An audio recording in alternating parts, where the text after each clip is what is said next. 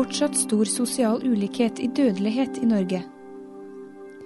I tidsskriftets podkast denne gangen kan du høre en kronikk i sin helhet.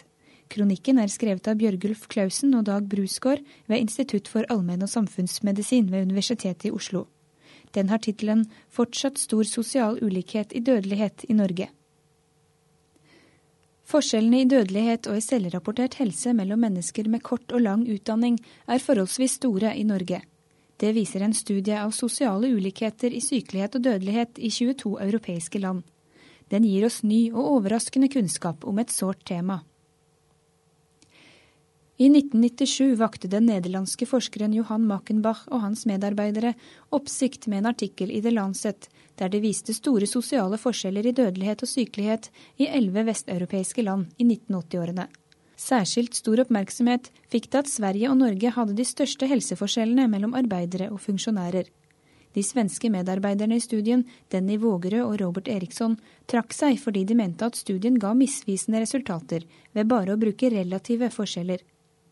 Når de relative forskjellene var høye i Norge og Sverige, skyldtes det at funksjonærer i våre land hadde spesielt god helse, hevdet de, mens arbeiderne helsemessig var mer lik sine europeiske kolleger.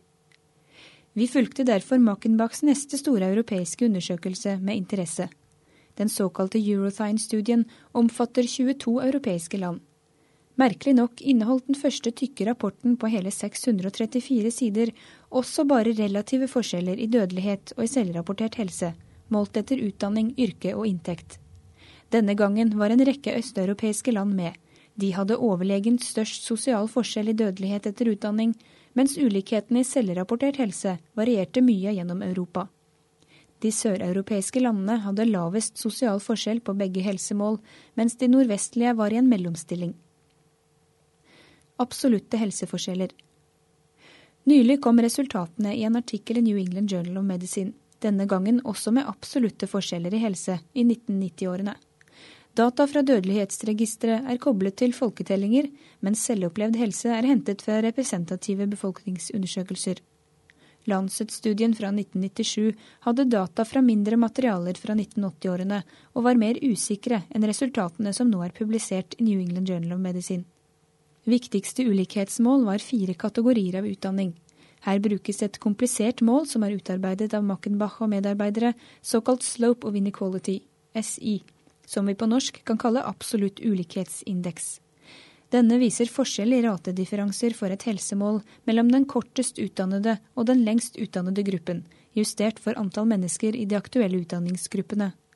En slik standardisering løser et viktig problem når vi ønsker å sammenligne sosiale ulikheter mellom land eller over tid, fordi fordelingen av individer i hver sosiale gruppe varierer. Dette målet må hele tiden sammenholdes med dødeligheten, for når den er høy, må vi også regne med forholdsvis store forskjeller i absolutt ulikhet. Det tilsvarende målet for relative forskjeller kalles Relative Index of Inequality, RII, eller relativ ulikhetsindeks. Denne indeksen viser helsemålet i den dårligst stilte sosiale gruppen når det settes til én i den best stilte gruppen, uttrykt i rateratioer og justert for antall individer i hver gruppe. Tabell 1 viser noen av resultatene for dødelighet i aldersgruppen 30 74 år. Norge har forholdsvis store sosiale ulikheter. Målt med absolutt ulikhetsindeks er vi på tiendeplass for kvinner og på sjuendeplass for menn i denne rangeringen mellom 16 europeiske land med fulle datasett. Det svarer til at vi har forholdsvis høy dødelighet i denne aldersgruppen. Men dette er ikke hele forklaringen på de store sosiale ulikhetene, for den relative ulikhetsindeksen gir oss de samme plassene som vi får på det absolutte målet. Sverige ligger bedre an, på tredjeplass for det absolutte målet og fjerdeplass for det relative målet for menn, og på sjette- og åttendeplass for kvinner. Danmark har litt mindre sosiale ulikheter i dødelighet enn Norge, mens Finland er omtrent på samme plass som oss. De mellomeuropeiske statene har stort sett mindre sosiale ulikheter, mens Sør-Europa har langt mindre ulikheter enn Norge, både med absolutte og relative mål, og har også en lavere dødelighet i disse aldersgruppene. Mackenbachs konklusjon fra 1997 om store sosiale ulikheter i helse i Sverige og Norge gjelder altså ikke lenger. Virkeligheten har forandret seg på dette feltet, Sverige har nå forholdsvis lav sosial ulikhet i dødelighet, mens de andre nordiske landene har større ulikheter enn Sør- og Mellom-Europa. Heller ikke Vågere og Erikssons innvendinger fra 1997 gjelder mer. Nye analyser viser at absolutte og relative dødelighetsmål gir samme rangering av de nordiske landene.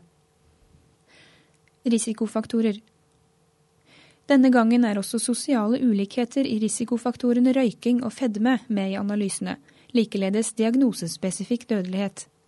Dette gir interessante resultater med henblikk på å tolke hovedfunnene. Hjerte- og karsykdommer forårsaker en stor del av ulikheten i dødelighet, hele 21% blant menn, og mer i land hvor hjerte- og kardødeligheten er relativt høy, som i Norden. Derfor er det viktig at Norge ikke bare hadde en forholdsvis høy røykefrekvens i 1990-årene, men også hadde den største sosiale forskjellen i røyking, både blant menn og kvinner, etterfulgt av England og de andre nordiske landene. I Sør-Europa er det fremdeles slik at de bedrestilte røyker nesten like mye som de dårligere stilte, i noen land til og med mer. De sosiale ulikhetene i fedme er derimot mye større i Sør-Europa enn hos oss, men fedme er på langt nær så viktig for dødeligheten som røyking. De nordiske velferdsstatene Når de nordiske velferdsstatene ikke har klart å hindre sosiale ulikheter i dødelighet, slik som mange av oss har ventet, er nok store sosiale ulikheter i livsstil den viktigste forklaringen. Dette er en av konklusjonene til det europeiske forfatterkollegiet. Satt på spissen kan vi si at de nordiske velferdsstatene har gitt de dårligststilte penger nok til å overta den gamle overklassens uvaner. Dette negative synet på de nordiske velferdsstatene er nylig blitt kritisert av Olle Lundberg, en svensk sosiolog med lang erfaring innen forskning på sosiale ulikheter. Han hevder at velferdsstaten har bidratt til den lave dødeligheten i Skandinavia, særlig blant folk i manuelle yrker, og det er viktigst når det gjelder sosiale helseforskjeller. De sosiale ulikhetene i dødelighet er ikke redusert, men i bedømningen av velferdsstatene er det viktigst at den nordiske typen har gjort det lettere for underprivilegerte å leve et ordnet liv enn for de tilsvarende i resten av Europa. En av de tre norske deltakerne i Euroscience-studien er sosiolog Terje Andreas Eikemo ved Institutt for samfunnsmedisin i Trondheim. Han har nettopp disputert på sosiale ulikheter i helse i ulike typer velferdsstater. Han deler de europeiske velferdsstatene inn i fem grupper, øst-, sør- og mellomeuropeiske typer, samt en angelsaksisk og en nordisk. Type velferdsstat forklarer hele 10% av variansen i selvrapportert helse blant folk i de europeiske statene, mens 90% forklares av individuelle faktorer. Folk i de nordiske og angelsaksiske velferdsstatene rapporterer minst dårlig helse. Folk i de mellomeuropeiske typene kanskje litt mer, mens folk i de søreuropeiske og dernest i de østeuropeiske velferdsstatene rapporterer signifikant dårligere helse. Dette er en interessant utvidelse av Mackenbach og medarbeideres diskusjon av dødelighet i de ulike velferdsstatene, Selvrapportert helse regnes for å være et godt helsemål som er nært korrelert med dødelighet mange år senere. Når folk i Norden rapporterer forholdsvis god helse, illustrerer det Ole Lundbergs poeng at den nordiske velferdsstaten gir noen gode helsegevinster, om enn ikke på de sosiale ulikhetene i røyking og dødelighet. Det er rimelig å slutte at de nordiske velferdsstatene ikke påvirker avstanden i helse mellom de høyeste og de laveste sosiale lagene, men at det påvirker helsen til alle sosiale lag i en gunstig retning. Takk for at du hørte på tidsskriftets podkast. På gjenhør.